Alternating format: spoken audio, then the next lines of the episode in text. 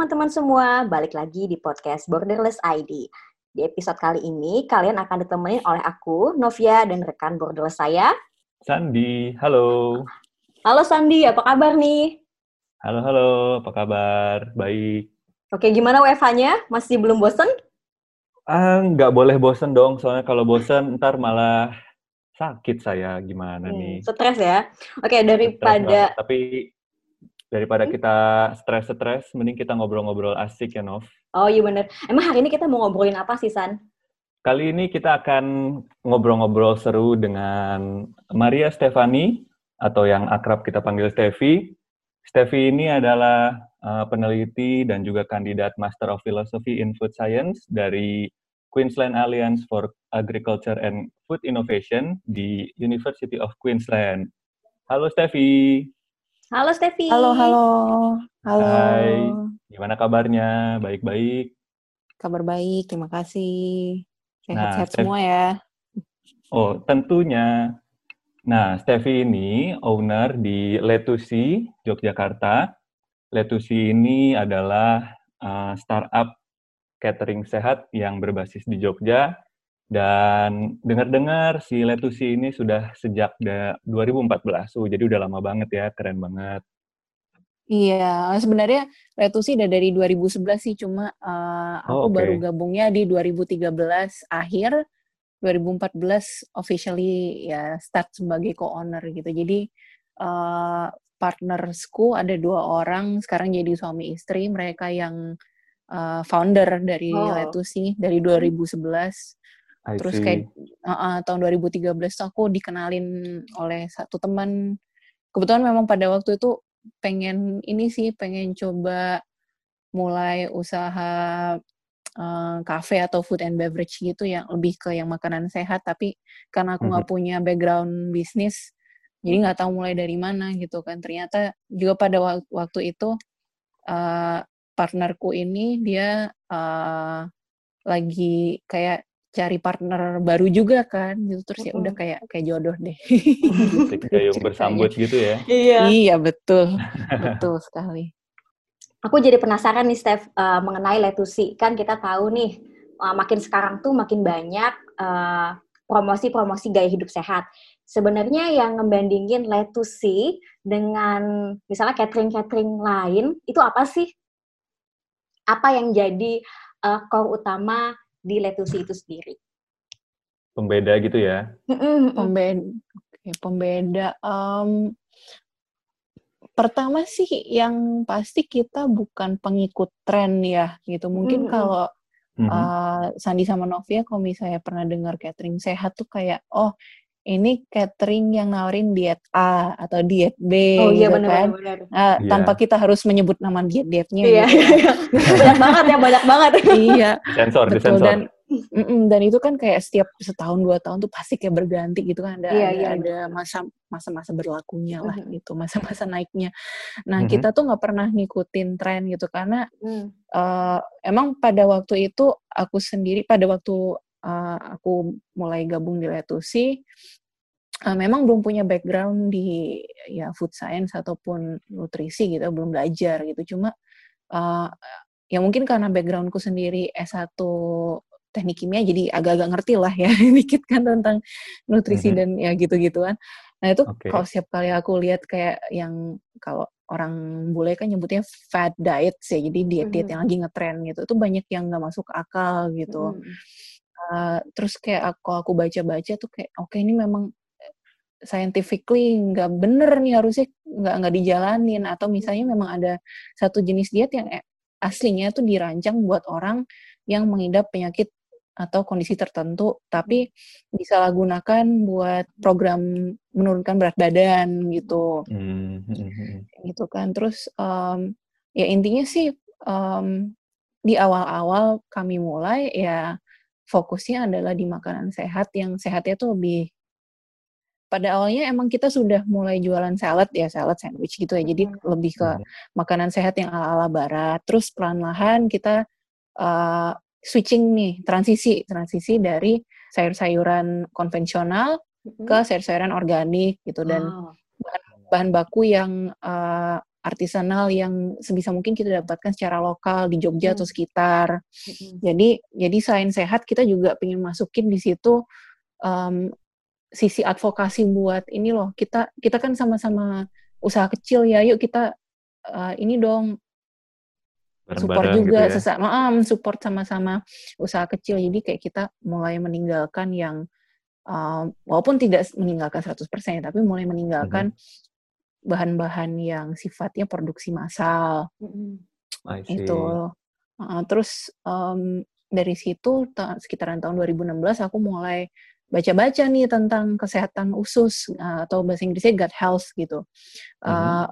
Lagi ini kan beberapa tahun belakangan emang penelitiannya, studinya secara saintifik itu memang lagi gencar banget dan uh, ada satu orang yang encourage aku buat coba deh kamu baca gitu. Mm-hmm. Terus uh, dari situ kayak aku mendalami wah ini keren nih, ini ini bisa jadi sebuah pola makan yang uh, bisa aplikatif buat semua orang gitu tanpa kita harus apa namanya harus melihat misalnya ada orang yang oh aku vegetarian atau aku vegan eh ternyata yang itu masih makan daging gitu kan jadi mm-hmm. uh, si pola makan yang memfo uh, penekanannya di kesehatan usus ini dia uh, inklusif banget jadi baik yang omnivora gitu masih bisa uh, oh, masih bisa mengadopsi diet ini gitu dan dan dari situ juga aku ngeliat ternyata um, sangat apa namanya diet ini mm-hmm. juga aplikatif yeah. juga buat uh, bahan-bahan pangan lokal kita gitu. Oke. Okay. Hmm. Jadi uh, harapannya sih dari situ kita lebih banyak bisa meng ini memanfaatkan bahan pangan lokal, terutama bahan-bahan pangan yang mungkin sudah mulai banyak dilupakan. Hmm. Itu yang hmm. yang orang-orang terutama sorry, orang-orang kota udah gak, udah nganggep lagi ini bahan iya. gitu kan. Karena makannya udah kecampur gitu. gengsi ya. Betul gitu. Jadi jadi itu sih mungkin kalau kalau singkat kata sih ya pertama kita bukan catering yang ngikutin tren ya. Kedua mm -hmm. um, terlebih ya berapa tahun ini sih kita mencoba untuk uh, menggabungkan juga um, scientific evidence sih gitu. Berbasis um, berbasis uh, kebijakan apa namanya? Ilmu pengetahuan. Yo Ya boleh lah boleh. boleh banget. Jadi lupa tadi kata-katanya apa ya gitu. Oke, okay, kalau misalnya um, Oke nih, tadi kan uh, Steffi udah ngejelasin banyak kalau misalnya uh, Letusi sendiri kan nggak ngikutin tren nih, tapi memang buat pola makan sehat dan juga tadi sempat nyebutin tentang masalah diet yang berdasarkan kepada uh, microbiome gut kita gitu. Manusia kan punya keadaan perut juga pasti beda-beda ya. Boleh diceritain nggak sih kira-kira apa yang menyebabkan apa sih yang menyebabkan penyakit-penyakit yang uh, datang awalnya dari perut manusia di Indonesia tuh semakin meningkat? Oke, kalau penyakit-penyakit yang terkait tentang kesehatan usus ya berarti ya. Mm -hmm. uh, ya betul betul. Mm -hmm. Nah mungkin gini, uh, pada saat kita ngomongin tentang kesehatan usus itu nggak serta merta uh, pada saat kita bilang bahwa usus kita tuh kurang sehat atau tidak sehat itu tidak serta merta yang kita rasakan yang sakit itu adalah bagian pencernaan kita Hmm. Itu. Misalnya uh, tapi, tuh? Nah, jadi nanti uh, mungkin aku jelasin dikit gitu bahwa di usus kita, terutama usus besar itu kan banyak sekali mikroorganisme ya. Ada hmm. ada paling banyak sih bakteri, mungkin yang bakteri, terus ada e. ada sedikit virus, ada sedikit virus, terus mungkin ada protozoa juga itu. Ada yang sifatnya ada yang sifatnya dia itu bisa dibilang baik ya, mm-hmm. baik dalam artian dia itu nggak nggak nggak justru membawakan manfaat buat kita, tidak tidak mengganggu kesehatan kita. Ada yang sifatnya patogen mm-hmm. gitu. Uh, dan idealnya kita tuh ingin menjaga supaya populasi si mikroorganisme yang baik ini mm-hmm. bisa tetap uh, banyak gitu sehingga bisa mengalahkan patogen-patogen mm-hmm. gitu. Dan mm-hmm. um, jadi seolah-olah kayak kita tuh gini loh uh, punya hewan piaraan di rumah, uh, kalau hewan peliharaan itu kita bisa rawat dengan baik, kita kita beri kasih sayang, kita beri makanan yang mm-hmm. cukup dan berkualitas, terus dia kan bikin bakal bikin kita happy juga kan. Mm-hmm. Nah, Bener. itu kurang kurang lebih sama gitu uh, konsepnya. Kita ingin bisa merawat supaya populasi mikroorganisme terutama bakteri-bakteri yang baik itu supaya tetap terjaga gitu ya. Jadi mereka tetap berkembang biak, populasinya tetap terjaga. Mm-hmm. Uh, karena salah satu fungsi dari si bakteri ini adalah untuk melawan bakteri-bakteri atau mikroorganisme patogen lainnya juga hmm. dia eh, mereka tuh ber um, berfungsi untuk menghasilkan hmm. uh, senyawa-senyawa yang bisa membantu uh, ini kayak menangkal uh, peradangan, peradangan hmm. di usus hmm. gitu. Nah, uh, jadi kenapa peradangan di usus itu sangat penting gitu ya? Karena ternyata sudah um, beberapa tahun terakhir terutama itu sudah banyak penelitian yang menemukan bahwa sebenarnya banyak penyakit-penyakit yang tidak menular gitu atau bahasa hmm. Inggrisnya non communicable diseases itu hmm. yang uh, development atau onsetnya itu sangat terkait dengan kondisi usus kita gitu. Hmm. Apakah itu oh. uh, apa namanya ketidakseimbangan populasi mikroorganisme yang baik hmm. tadi di usus atau sudah memang sudah terjadi peradangan dan hmm. peradangannya itu bisa kayak aku kurang tahu sih mekanismenya gimana soalnya aku nggak belajar kedokteran gitu ya hmm. tapi dari hmm. peradangan si usus itu bisa menjalar jadi uh, contohnya gitu ya uh, tekanan darah tinggi kolesterol Terus wow. kita tahu kan kalau tekanan darah tinggi kolesterol itu ntar larinya bisa ke jantung, iya, jadi koroner bisa ya. Betul oh, dan iya dan dan uh, banyak juga kan kalau misalnya udah tekanan darah tinggi gitu juga uh, ini again aku juga kurang tahu mekanismenya hmm. gimana tapi banyak banyak yang kalau misalnya udah tekanan darah tinggi kolesterol gitu juga gulanya juga tinggi gitu kan hmm. jadi bisa hmm. diabetes intinya nah, jadi ke mana-mana gitu ya, ya betul jadi penyakit penyakit ini tuh ya. mm -mm. dan memang sih memang sih uh, penyakit penyakit ini kan memang dari awal sudah dihubungkan ya dengan pola makan yang kurang baik gitu. Mm -hmm. Tapi semakin ke sini tuh semakin kelihatan gitu uh, apa namanya kayak urutannya atau mekanismenya itu ternyata salah satunya adalah lewat si usus itu dulu. Mm-hmm. Gitu. Jadi, pintu, jadi karena jadi kayak pintu utama kenapa kita kena sakit ABCD nih barangkali mm -hmm. berawal dari usus itu ya. Jadi dari kesehatan usus kita yang nggak terjaga. Mm-hmm. Betul, sa salah satu pintu utama salah sih satu. gitu. Okay. Nah, karena emang kebetulan makanan eh, makanan-makanan yang dituduh gitu ya bisa memicu misalnya kayak gula darah naik gitu atau yeah. kolesterol naik itu juga makanan-makanan yang dia itu tidak menurish atau tidak tidak uh, menjadi makanan bagi para bakteri-bakteri baik itu hmm. gitu jadi pada saat kita makan makanan misalnya makanan yang tinggi gula hmm. atau tinggi lemak, lemaknya terutama lemak, lemak yang jenuh gitu kan. Ya ampun itu guilty Asal, pleasure semua ya. jadi jadi selain selain itu bisa misalnya kalau makanan bergula kan oh bisa naikin kadar gula di dalam darah.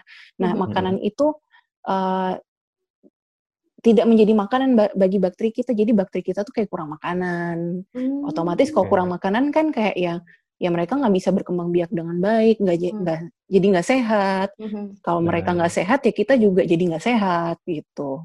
Kira-kira simpelnya gitu. Hmm. Domino efeknya ke mana-mana gitu ya? Iya. Oh. Gara-gara si microbiome yang ada di usus kita itu ya, penyakit iya, bisa jadi betul. banyak. Kalau kita tidak urus tuh si usus. Iya, makanya cintai ususmu ya. nah, kalau untuk um, gimana sih gimana caranya kita untuk ngejaga si kondisi bakteri-bakteri baik di usus itu apa apa sih yang harus kita konsumsi misalnya? Oke. Okay. Nah, mungkin aku juga mau tambahin lagi jadi penyakit eh, penyakit-penyakit tidak menular ini kan terutama kalau kita ngomongin di Indonesia ya, mm-hmm. itu mm-hmm. sekitaran ya 10 tahun terakhir kan dia semakin meningkat. Mm-hmm. Itu wow. mungkin teman-teman bisa lihat ada ada ini uh, riset kes, eh riset kesehatan dasar ya kalau nggak Riskesdas 2018 jadi di situ uh, dilaporkan gitu jadi kayak uh, angka-angka uh, penderita aku bisa bilang penderita ya penderita obesitas atau kelebihan hmm. berat badan itu per lima tahun gitu ya Jadi dari 2013 sampai 2018 itu itu meningkat cukup signifikan. Terus bersama itu juga yang tadi aku bilang kayak uh, diabetes, stroke, jantung, kanker juga itu setiap tahunnya meningkat gitu. Nah, salah satu yang mengkontribusi itu adalah sebenarnya keseja kesejahteraan ekonomi juga. Karena wow. uh, uh, karena banyak banget ya keterkaitannya. Iya. iya. Kesejahteraan ekonomi dan mungkin urbanisasi juga hmm. ya. Karena apa? Karena semakin uh, orang itu jadi lebih uh, taraf hidupnya jadi lebih tinggi gitu kan. Apalagi kalau misalnya uh, pindah dari desa ke kota gitu kan pola makannya juga akan berubah kan? Apalagi kalau terkait dengan gengsi ya jadi kayak oh waduh. susah sih kalau masih makan gengsi nih iya jadi misalnya tadi tadinya cuma makan tahu tempe terus eh uh, penghasilannya udah naik nih yuk kita makan makan apa suka makan di mall gitu kan jadi ya, ya, ya gitu. Dan dan dan tidak tidak disadari bahwa makanan-makanan yang um, lekat asosiasinya dengan dengan kesejahteraan ekonomi itu sebenarnya secara gizi itu mm -hmm. uh, banyak yang buruk gitu. Mm-hmm. Jadi wow. mungkin pernah dengar istilah empty calories gitu atau kalori yang kosong. Jadi mm -hmm. makanan itu hanya berisi energi, mm -hmm. tapi mm -hmm. nutrien atau gizi yang lain itu tuh kayak sangat minim gitu. Wow. Jadi sebenarnya enggak jadi sebenarnya nggak berbanding lurus ya. Maksudnya kalau kita punya income lebih, terus kita ya sembarangan makan di di mall misalnya atau apa, nggak tahu gimana gizinya, ternyata malah hmm. ya itu empty calories itu ya. Hmm. Kembali ke pribadi masing-masing ya. Ada yang uh, emang sudah memiliki kesadaran yang cukup tinggi bahwa, hmm. bahwa dengan uh, yang memiliki uang yang lebih, terus uh, pengen invest di kesehatan, terus ya pilih makanan yang lebih baik atau ada juga yang um, kena sakit dulu nih gitu kan udah sakit dulu hmm. baru dia berubah gitu hmm. tapi emang hmm. mayoritas ya gitu kan kalau kita kita lihat di sekeliling kita aja yeah. deh gitu kan hmm. seneng makan di mall seneng makan fast food junk food hmm. gitu gitu uh, jadi ya itu itu adalah makanan-makanan yang uh, tidak menjadi makanan bagi bakteri-bakteri di usus kita. Hmm. Jadi ilusi sebenarnya ya. Kita tuh kayak kenyang makan, tapi sebenarnya bakteri yang ada di usus kita itu bakteri-bakteri baiknya mereka kelaparan sebenarnya ya. Betul. Ya tadi kan Sandi kan nanya bagaimana caranya kita bisa merawat gitu kan bakteri. Mm -hmm. yes. betul betul betul. Kira-kira makanan apa yang kita bisa konsumsi buat bukan hanya memberi makan diri kita sendiri tapi juga mm -hmm. memberi makan para si bakteri-bakteri. Mm -hmm. Nah, uh, gampangnya gampangnya si bakteri-bakteri ini suka serat. Hmm. Oke. Okay. Gitu. Jadi apa pun makanan yang berserat itu pasti mereka senang. Hmm. Itu aja okay. deh. Itu kunci itu kunci utamanya itu. Rule of thumb-nya ya. Hmm. Kuncinya Betul. adalah serat. Betul, serat gitu. Jadi okay, okay. Uh, mungkin selama ini serat kan dikaitkannya dengan uh, apa ya? Misalnya kayak menurunkan uh, kolesterol gitu hmm. atau hmm. bisa menurunkan berat badan. Tapi um, sekarang ada info baru nih gitu kan nah, bahwa serat ya itu serat itu adalah makanan buat si bakteri-bakteri baik yang ada di usus kita. Dan dan intinya kan serat ini dia hanya bisa didapatkan hanya ya, jadi eksklusif ya. Hanya bisa didapatkan dari makanan-makanan nabati atau plant based foods. Mm-hmm. Gitu. Jadi wow. okay. sebenarnya mayoritas makanan-makanan nabati, sumber-sumber nabati mm-hmm. yang dia itu sebisa mungkin masih ini ya dalam bentuk um, semulanya hmm. bentuk mulanya atau tidak jauh gitu ya sudah diproses tapi tidak banyak uh, kehilangan elemen-elemen uh, dari bentuk mulanya gitu. Jadi kalau itu, kayak jus itu nggak termasuk ya? Betul gak sekali. Jus itu tidak, aku tidak suka. Termasuk. Banyak yang kayak nggak suka makan buah atau sayur nih rasanya aneh. Oke, dibikin di jus terus gulanya dibanyakin. Hmm. Waduh, salah dong. itu kan kita uh, persepsi awam tuh kadang oh yang penting ada sayurnya, yang penting ada buahnya, mau diapain aja, tambahin gula, tetap aja sehat gitu. Itu bener gak persepsi iya, kayak gitu? nah itu ini juga yang mungkin aku pengen luruskan ya bahwa mm-hmm. orang Indonesia tuh suka suka salah mempersepsikan jus. Mm, Oke. Okay. Mm-hmm. Gitu. Jadi kalau kalau kita ngomong bahasa Inggris ya, uh, olahan buah gitu. Kalau hmm. misalnya buah itu di blender jadiin buah kan padatan yang dijadiin liquid gitu. Itu kan yang orang Indonesia banyak sebut dengan jus ya. Iya, Jadi iya. buah masukin blender dihancurkan itu jus. Nah, hmm. sebenarnya itu kalau bahasa Inggrisnya itu smoothie. Oh. Oke. Oke. Oke. Aku baru tahu loh ini.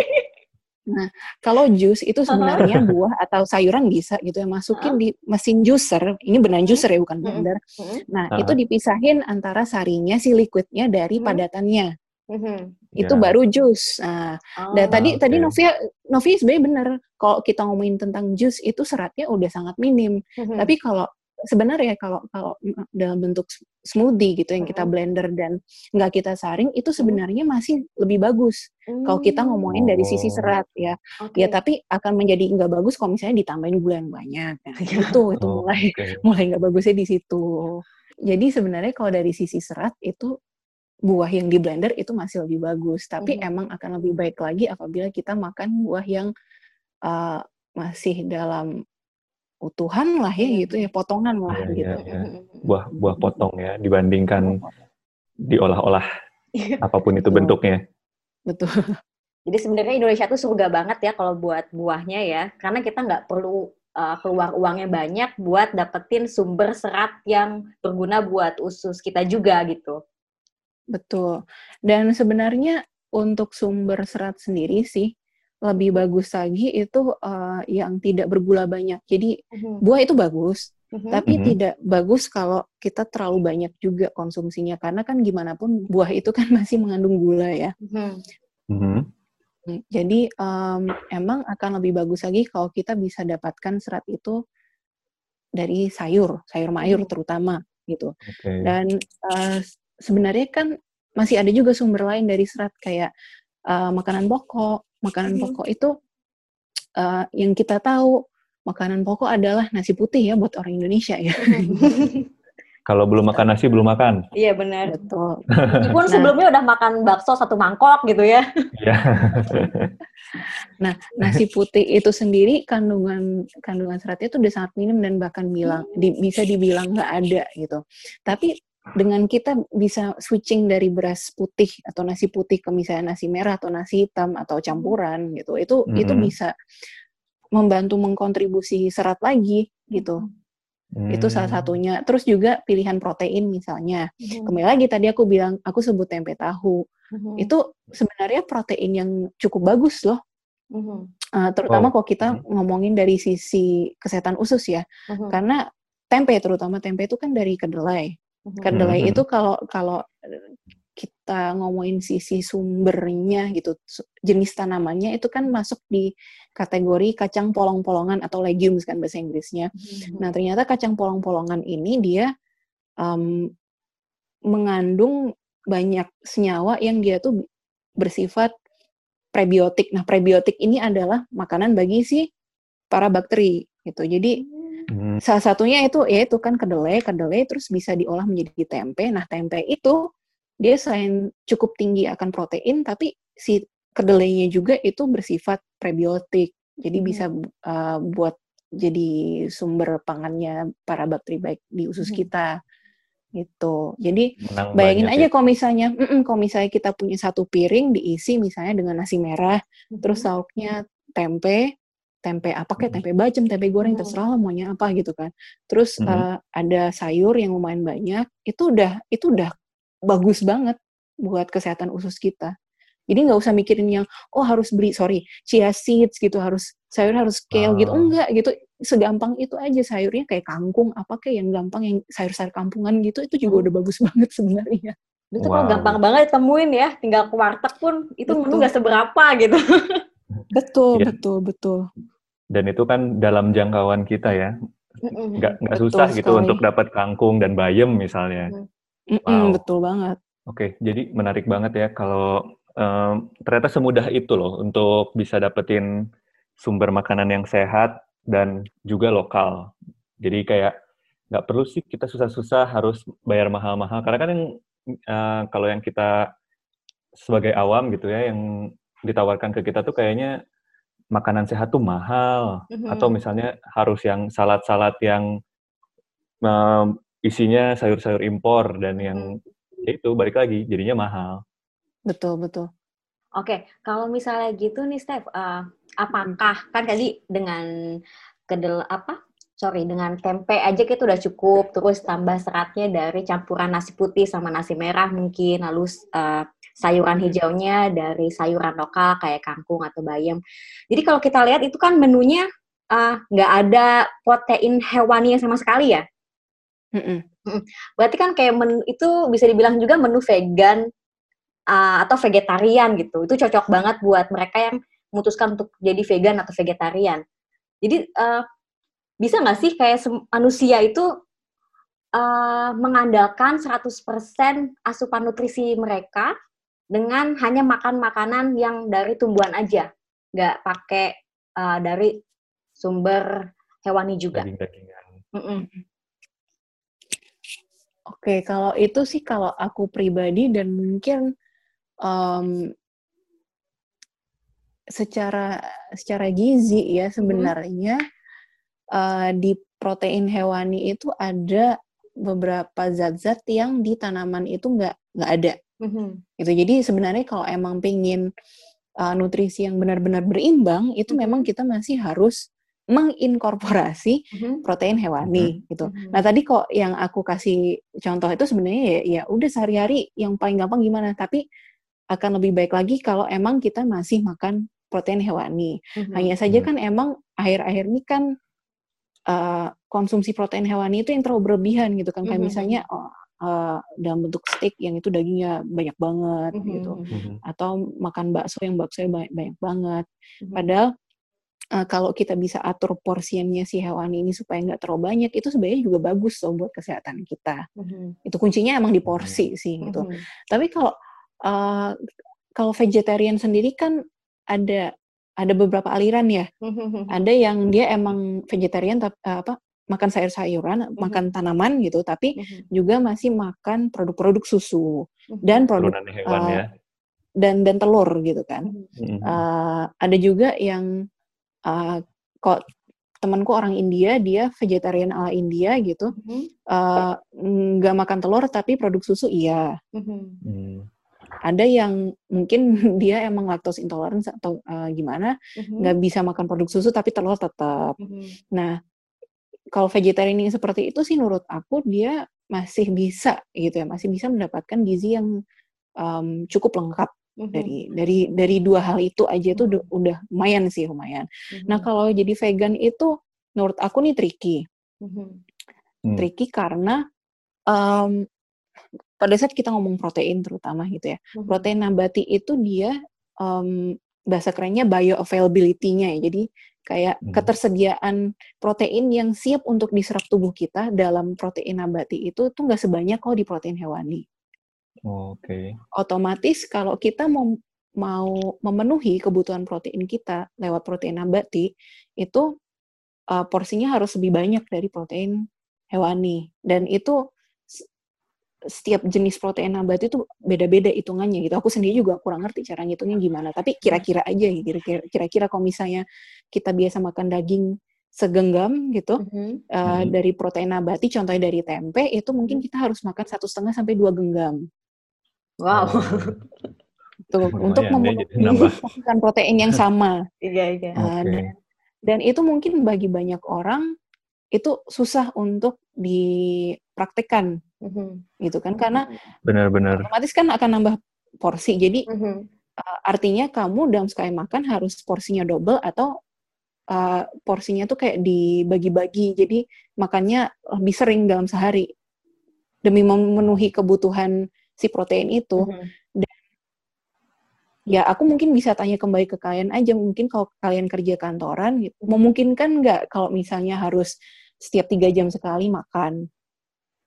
Makan besar loh gitu. Tentunya sulit. Susah kan? Susah kan makanya sulit kan? Nah itu uh, ya kalau kita ngomongin tentang pemenuhan gizi sih itu yang akan menjadi kendala salah satunya hmm. gitu. Hmm. Nah, tapi bukan berarti tidak bisa bisa cuma memang butuh effort yang lebih sih gitu. Hmm. menarik ya. Kalau misalnya tadi kan kita uh, Steffi nyebutin tentang porsi. Kalau hmm. buat individu gitu ya gimana sih caranya buat mengetahui ini porsiku yang ideal? Atau misalnya aduh ini kebanyakan nih kita kurangin deh misalnya dagingnya terus tambahin kita diversifikasi nih menu di piring kita. Nah itu gimana sih caranya tuh skill yang bisa kita uh, dapat nah oke. Okay. mungkin kalian uh, tahu kalau dulu kan pedoman gizi itu kan bentuknya piramida ya atau tumpeng gizi bahasa Indonesia-nya.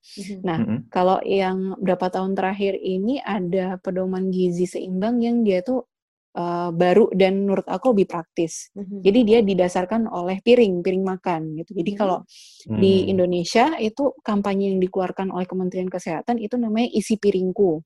Nah, teman-teman bisa bisa Google itu isi piringku. Tapi hmm. uh, di negara-negara lain setahu aku kayak misalnya di Amerika Serikat sama di Australia mereka juga sudah mengadopsi pedoman uh, yang serupa. Hmm. Tidak tidak sama persis tapi serupa. Hmm. Kalau di hmm. Amerika itu yang dikeluarkan oleh Harvard itu ada healthy eating plate. Hmm. Hmm. Itu teman-teman juga bisa bisa googling ya, googling sendiri. Nah, hmm. uh, kalau kita bandingin antara si healthy eating plate dengan isi piringku itu ada sedikit perbedaan di porsi karbohidrat. Jadi kalau versi Amerika yang mereka sarankan itu kita bayangkan piring ya, piring ukuran normal lah gitu. Mm-hmm. Uh, bagi dua dulu, mm-hmm. piring dibagi dua dulu. Nah, yang setengahnya itu se- uh, setengah dari setengahnya berarti seperempat piring itu mm-hmm. buat makanan pokok atau karbohidrat ya. Mm-hmm. Nah, seperempatnya lagi itu buat protein. Jadi protein itu idealnya hanya seperempat dari piring kita. Mm-hmm. Oke. Okay. Tuh. Nah, setengah yang selebihnya mm-hmm. itu dua per tiga adalah sayur mayur. Sepertiga adalah ya? buah. Wow. Iya, dua per tiga dari setengah. Jadi bisa yeah, yeah, divisualisasi kan bahwa sayur yeah. itu harusnya yang paling banyak porsinya yeah. di piring kita. Mm-hmm. Nah, nah, kalau versi Indonesia itu uh, ada sedikit perbedaan di karbohidratnya yang di mana uh, disarankan bisa up to 2 per 3 dari setengah piring. Oke, okay, karbohidratnya up to 2 per 3? Mm -mm, 2 per 3 dari setengah piring ya. Jadi itu oh, berapa tuh? Aduh, matematikanya jadi. Iya, tapi gitu deh. Jadi uh. ya seperti uh, dua per tiga dari setengah piring. Jadi mm-hmm. kira-kira sih yeah, iya. porsinya yeah. sama dengan sayur. Mm-hmm. Tapi kalau aku secara pribadi akan menganjurkan orang-orang untuk menyesuaikan dengan um, aktivitas fisik terutama sehari-hari. Hmm. Nah, kalau misalnya emang kerja kantoran yang banyak duduk depan komputer, menurut aku sih akan lebih lebih ideal untuk ngikutin yang versi Amerika ya. Jadi karbohidratnya bisa mungkin dikurangin. Hmm. Itu. Tapi kalau misalnya emang kerjanya atau kegiatan sehari-hari itu cukup menuntut fisik, menurut aku karbohidrat dibanyakin nggak apa-apa karena kan emang karbohidrat itu adalah sumber energi. Mm-hmm. Jadi oh. Banyak uh, usaha fisik itu mm-hmm. kan membutuhkan energi yang lebih banyak juga kan. Jadi menurut aku sih pada saat bagaimana kita menyikapi pedoman-pedoman ini ya harus kita sesuaikan dengan kondisi masing-masing individu juga gitu. Hmm. Terutama untuk aktivitas fisiknya. Berarti nggak bisa samain meskipun usianya sama, tapi uh, makanan dibutuhkan porsinya juga sama gitu ya, disesuaikan juga sama kebutuhan hariannya masing-masing ya. Iya, karena Betul. aktivitasnya pun beda-beda ya. Mm-hmm. Betul, wow. dan mungkin aku bisa komen bahwa pedoman ini lebih ditujukan terutama buat kaum-kaum yang urban sih ya. Mm-hmm. Soalnya kalau mm-hmm. kita misalnya ke desa-desa mungkin masih punya kerabat yang masih tinggal di desa, masih berkebun, masih bercocok tanam. Mm-hmm. Uh, dari dari subuh sampai sore mereka kerja di ladang. Itu kalau misalnya mereka makan nasinya sepiring sih menurut aku sih fine-fine aja ya. Mm-hmm. Karena mereka emang Karena memang karena memang aktivitas uh, fisiknya uh, intens banget ya. Iya. Ya, jauh jauh melebihi kita yang kerja kantoran gitu kan. Jadi yeah, ya yeah. itu tadi sih uh, tetap harus disesuaikan dengan kondisi dan aktivitas masing-masing. Tapi ya itu itu adalah sebuah pedoman yang bagus sih buat kita mm-hmm. bisa pelajarin dan ikutin gitu. Uh, menarik banget. Jadi baru sebentar ngobrol aja udah dapat banyak banget uh, info baru dan pengetahuan baru. Tadi kan uh, Stevis sempat singgung tentang tempe dan kedelai. Dan kita kita tentunya tahu Indonesia ini sumbernya tempe.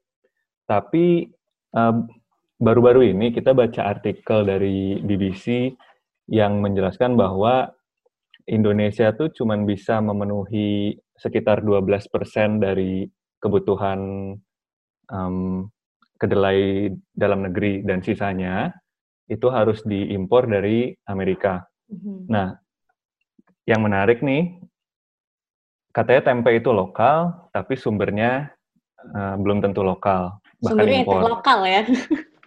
sumbernya interlokal, betul sekali. Nah, Internasional. Mm-hmm. nah, seberapa lokal sih pangan lokal tuh? Kalau misalnya untuk uh, contoh kasus tempe ini ya, jadi mm-hmm. apa sih yang lokal itu sebenarnya? Oke, kalau terkait tentang tempe sebenarnya teknologi atau metode pembuatan tempe itu emang asli Indonesia, asli Jawa ya terutama. Mm -hmm. uh, sekitaran Jawa Tengah, Jogja sinilah mm -hmm. uh, berasalnya asalnya tempe itu. Mm -hmm. uh, dan sebenarnya yang orang banyak nggak ketahui, terutama orang-orang sekarang ya gitu. Mm -hmm. uh, yang banyak orang nggak ketahui itu tempe itu tidak hanya dari kedelai. Mm. Oh gitu. Ini termasuk saya, saya juga tidak tahu saya itu. Saya juga tidak tahu kalau begitu. Gak apa-apa, aku juga baru tahu lima tahun yang lalu. Jadi kita kan harus ini ya, harus harus banyak belajar ya. Nah jadi betul sekali, um, luar biasa. Iya, jadi um, sebenarnya mayoritas kacang-kacangan polong-polongannya ada di mm-hmm. Indonesia tuh bisa loh dijadiin tempe. Jadi kalau di Jogja sendiri ya kebetulan karena aku sendiri punya teman-teman yang memang pengrajin tempe dan mm -hmm. mereka sudah sudah memproduksi tempe non kedelai ya. Mm -hmm. uh, itu seperti kacang hijau, mm -hmm. terus uh, kacang koro, kacang koro itu banyak jenisnya lagi. Mm -hmm. Terus ada uh, pernah makan brongkos nggak? Belum. Belum. Baru mendengar saya. Baru dengar juga sama itu kuliner Jogja sih. Okay. Ada satu jenis kacang namanya kacang tolo itu juga bisa jadiin tempe. Hmm. Kacang merah bisa jadiin tempe. Jadi sebenarnya kacang-kacangan ini bisa semua dijadiin tempe. Hanya saja hmm. memang um, pengetahuannya itu sudah banyak berkurang. Tapi hmm. syukurnya sih ya ada ya orang-orang yang masih melestarikan the art of making non soy tempe ini. Wow. Dan wow, wow, dan wow, dan bersyukur juga bahwa aku udah berkenalan dengan tempe-tempe ini sekitaran lima tahun yang lalu. Jadi kayak bisa membantu buat uh, ya memperkenalkannya ke orang lebih banyak lagi, ke audiens yang lebih luas lagi. Ya termasuk ke para pendengar podcast ini mungkin gitu ya. tentunya, tentunya. Iya. Jadi Mm, jadi tempe itu bisa kok kalau kita mau bikin 100% lokal dengan cara mungkin uh, ada juga um, pengusaha tempe yang di Jogja juga, ini biasanya di Jogja, hmm. yang beliau itu turut membina petani-petani supaya bisa menanam kedelai varietas lokal. Nah, hmm. itu juga ada. Gitu. Hmm. Itu salah satu salah satu strateginya buat melokalkan kembali si tempe ini mm -hmm. gitu. Jadi emang kita pakai kedelai yang varietas lokal atau bisa pakai kacang-kacangan yang lain yang emang kita bisa dapatkan secara lokal. Itu. Hmm. Kalau itu wow. terkait tempe sih seperti itu kira-kira. Iya iya, menarik banget sih. Aku baru baru dengar banyak jenis-jenis makanan baru justru hari ini yang jadi penasaran yeah. pengen nyobain juga. Dan baru tahu kalau tempe itu bisa dibuat dari selain kedelai, kacang-kacangan yeah. lain lah pokoknya. Jadi penasaran kalau tempe dari kacang hijau rasanya gimana ya? Enak Jadi banget. kayak lebih lebih enak dari kedelai malahan. Wow. Waduh, harus nyoba dong. Beneran. Iya, bener -bener. Bisa dibikin di rumah nggak? Bisa, nanti mungkin aku bisa kasih resepnya. Oh, Wih, untuk raginya pakai ragi yang sama ya berarti ya? Iya, tetap pakai oh, ragi yang sama dan itu sekarang dengan ada teknologi bisa beli di Tokopedia, di Shopee, hmm. bisa kok. Nah, dan murah lagi. Iya. Abis ini aku mau praktek hmm. banyak nih, San. iya. Abis ini kita, abis beres podcast ini, off the record, ayo kita tanya-tanya tentang tempe. Iya.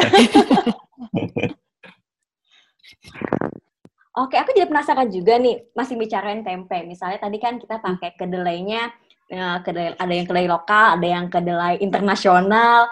Terus ada bedanya nggak sih kalau kita pakai uh, sumber yang organik sama yang non organik nih untuk dijadikan bahan makanan tadi bahan tempe? Bahan tempe tadi ya. Mm -mm. Ini hanya ngomongin tempe atau mungkin makanan yang lainnya juga? Uh, yang lainnya sih cuma tadi berangkatnya dari tempe. Oke. Oke. Oke. Mulai dari tempe ya. Um, sekilas sih nggak ada banyak uh, perbedaan ya kayaknya ya. Soalnya kayak sekarang pun kalau aku makan tempe yang kedelai konvensional gitu, aku masih makan ya. Soalnya kadang-kadang kan oh di rumah nggak ada tempe, ya udah beli di warung sayur depan rumah yang adanya tempe konvensional ya it's fine. Uh, itu dari mungkin itu dari kedelai yang internasional itu tadi kedelai impor. Aku aku nggak bisa bedain terus terang kalau dari sisi rasa.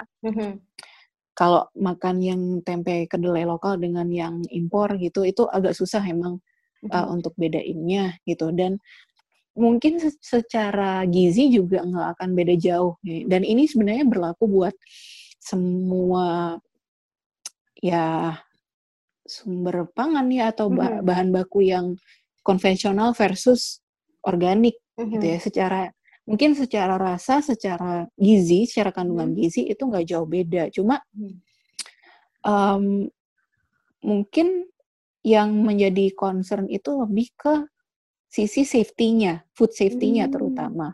Hmm, gitu. Oke. Okay. Gimana? Uh, uh, terutama kok misalnya kita ngomongin sayur-sayuran deh gitu. Hmm. Sayur-sayuran kan kadang kita suka makan yang mentah ya, lalapan hmm. lah, salad lah apa gitu. Nah itu buat buat uh, konsumsi mentah seperti itu kalau sayur konvensional emang jadi agak ini ya bikin takut juga ya soalnya mungkin kita tahu gitu bahwa sayur itu uh, disemprot pestisida, pestisida hmm. sintetis gitu, hmm. atau atau pakai uh, pupuk kimia, pupuk sintetis dalam jumlah yang banyak dan hmm. mungkin itu menjadi cemaran bagi si sayur ini. Jadi kok buat dimakan uh, mentah itu mungkin kurang baik buat uh, kesehatan mm-hmm. gitu. Hmm. Jadi buat sayur-sayur konvensional sih emang lebih baiknya dimasak ya. Mm-hmm. Jadi kalau emang pingin um, bikin salad lalapan gitu, sebaiknya memang organik sih menurut aku.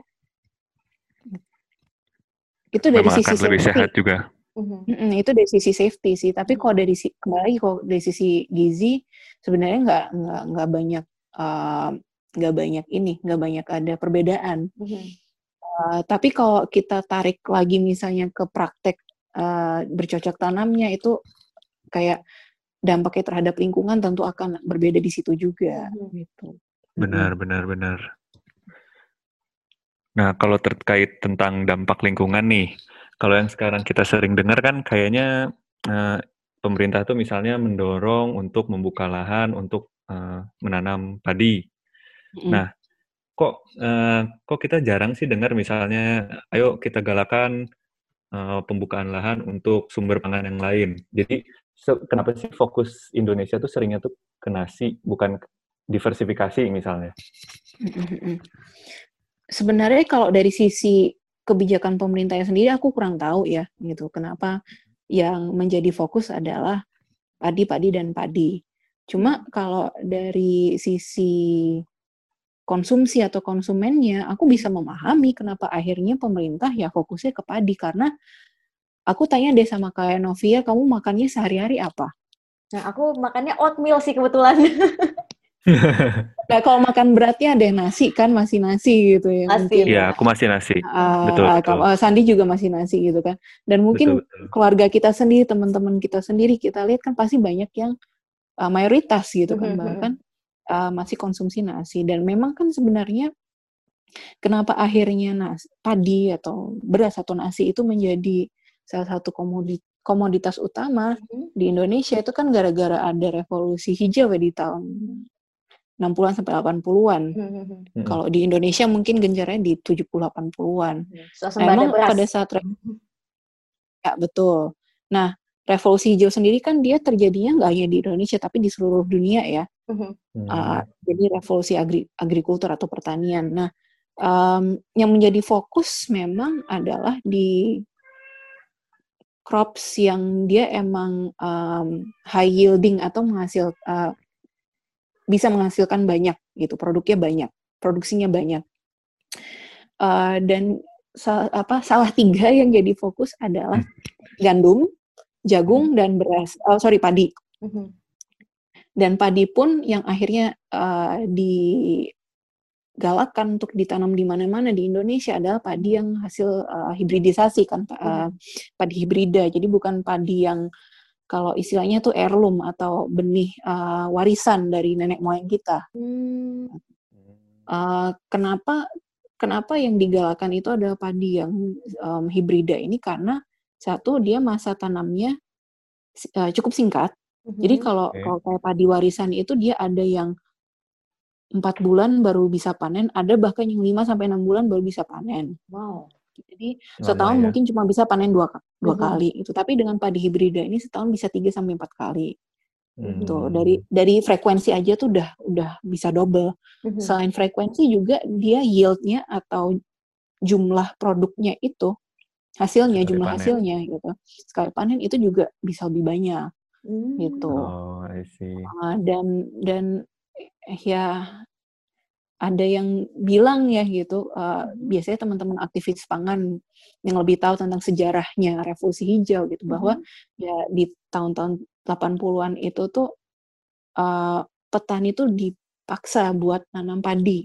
Hmm. Itu jadi hmm. mungkinnya sebelumnya tuh nanam banyak tanaman hmm. terus dipaksa buat nanam padi uh, sehingga kita di tahun 1984 ya kalau nggak salah itu bisa mendapat status swasembada beras. Mm-hmm. Tapi cuma, cuma buat setahun apa dua tahun gitu. Setelah itu mm-hmm. kayak ngedrop lagi gitu. Jadi itu hanya bertahun eh bertahan segitu singkatnya. Mm-hmm. nggak tahu buat apalah gitu ya. Mm-hmm. Uh, dan dan ya karena itu karena terjadi revolusi hijau itu gitu. Mm-hmm uh, banyak tanaman-tanaman yang jadi tersingkirkan, terlupakan, hmm. dan kita pun jadi semakin uh, yang kita kenal ya untuk makan sehari-hari kan jadinya beras kan. Hmm. Dan aku sendiri, aku bisa ngomong buat diriku sendiri gitu ya. Aku aku lahir di era di mana ya aku makan dari kecil tuh pakai nasi putih. Hmm. Gak tau kok kalian gimana? Iya sama. Nah, sama kan.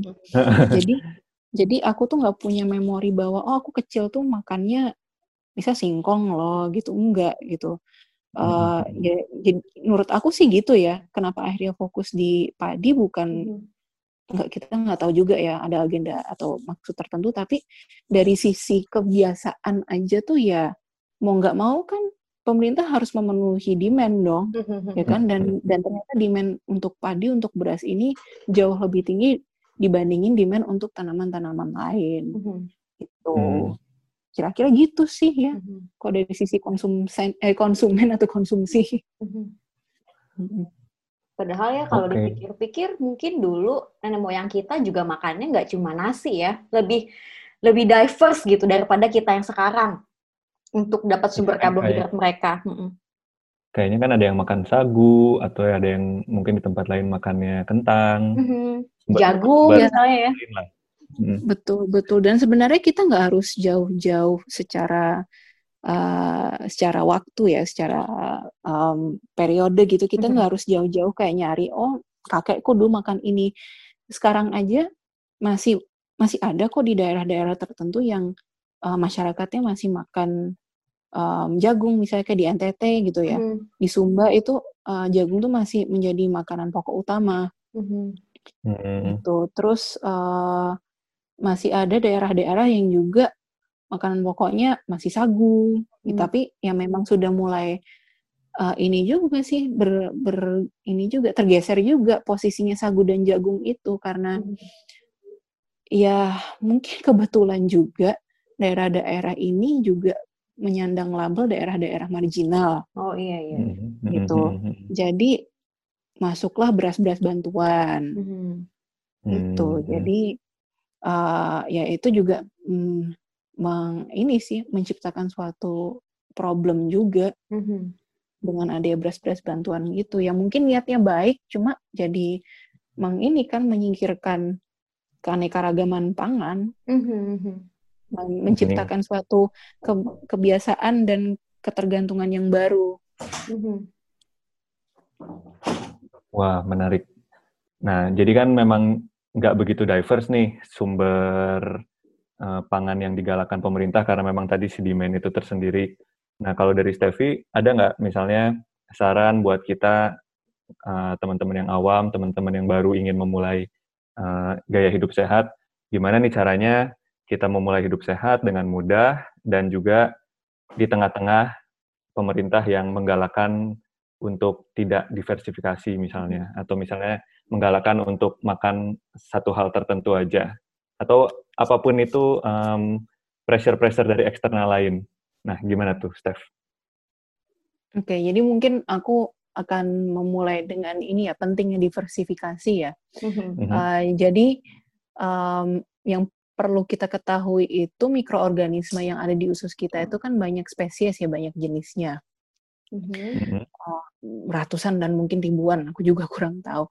Dan mereka itu nggak beda jauh dari manusia loh, manusia yang masing-masing individu tuh punya preferensi. Misalnya aku nggak suka durian, mungkin kalian suka. Hmm. Jadi kalau aku dikasih durian aku nggak seneng dong gitu. Nah bakteri-bakteri ini juga uh, punya makanan-makanan yang mereka sukain, lebih okay. prefer daripada yang lain. Hmm. Cuma emang uh, untuk kita benar-benar bisa pinpoint gitu. Uh, si bakteri A ini dia sukanya makanan yang mengandung ini atau itu gitu kan itu itu kita belum sampai situ jadi cara yang paling gampang nih buat kita bisa berusaha untuk uh, memenuhi kebutuhan para si bakteri ini adalah dengan mendiversifikasi mm-hmm. uh, pangan kita gitu ya. Jadi isi piring kita tuh sebisa mungkin kita bikin bervariasi uh, ya, banyak uh, beraneka ragam mm-hmm. gitu. Mm-hmm. Uh, dan ini tentunya akan menjadi suatu tantangan tersendiri ya, terutama apalagi bagi kita nih yang generasi yang lahir uh, sebagai terlahir sebagai pemakan nasi putih gitu. Mm-hmm. sendiri tuh nggak punya pengetahuan tentang apa sih emangnya uh, makanan pokok yang lain tuh apa sih alternatifnya mm-hmm. gitu kan. Mungkin mm-hmm. uh, dari makanan pokok aja tuh banyak yang bertanya-tanya emangnya uh, ada apa aja yang bisa kita makan gitu. Mm-hmm.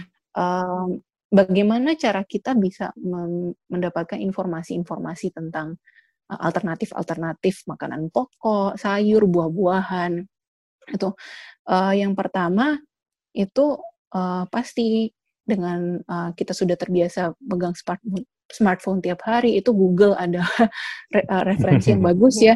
Uh, apa bukan referensi ta, uh, tapi kayak starting point yang bagus gitu. Jadi kayak uh, bisa kita coba searching tentang pangan lokal atau misalnya uh, sumber karbohidrat lokal. Segampang itu aja coba hit the search button terus kita lihat apa yang muncul dari situ mungkin kita bisa dapat satu satu dua bahan pangan yang mungkin kita baru tahu gitu kan itu satu mm-hmm. kedua kedua juga sekarang udah um, mulai banyak ini ya buku-buku karya uh, putra bangsa mm-hmm. yang sudah mulai kayak mengangkat kembali nih tentang uh, pangan lokal itu ada satu peneliti dia nulis tiga buku bagus-bagus tuh namanya Fadli Rahman. Mm-hmm. Dia nulis buku uh, Restafel. Um, aduh, apalagi sih ada dua gitu mungkin bisa teman-teman bisa coba search aja, aja mm-hmm. Fadli Rahman, mm-hmm. F A D L Y R A H M A N ya Fadli Rahman. Mm-hmm. Itu ada mm-hmm. tiga bukunya. Itu bukunya bagus-bagus juga yang mengangkat tentang sejarah uh, pangan Indonesia dan um, membahas juga tentang pangan lokal. Nah itu bisa jadi sumber yang bagus juga. Terus ada juga sekarang um, eh udah beberapa tahun terakhir sih ada buku resep yang dari zaman Bung Karno namanya hmm. Mustika Rasa nggak tahu uh, mungkin kalian pernah dengar hmm. uh, ada ada yang berapa tahun lalu gitu ada satu orang yang dia itu republish buku ini hmm. Dan okay. sekarang kita bisa beli dan itu gila bukunya tebal banget jadi itu resep, kumpulan resep-resep dari uh, Sabang sampai Merauke mm -hmm. ada itu di zaman Bung Karno keren banget deh, revolusioner banget. Nah itu mungkin teman-teman bisa beli buku itu juga sebagai referensi gitu buat terutama buat orang yang mungkin uh, belum bisa main jauh-jauh gitu ya. Hmm yang belum pernah ke daerah lain yang terutama yang jauh kayak Papua mungkin atau Aceh gitu dari hmm. dari buku itu aja mungkin bisa ngeliat oh bahwa oh di daerah situ tuh ada makanan seperti ini dan bahan-bahannya ternyata aku belum pernah dengar sebelumnya gitu. Jadi dari buku-buku itu aja udah bagus. Um, terus ya ya kalau boleh promosi usaha sendiri gitu. itu boleh banget, boleh banget, boleh banget. Oh, ya. Boleh, boleh, boleh cek uh, Instagramnya Letusi ya. Letusi L E T U S E E dot Y K.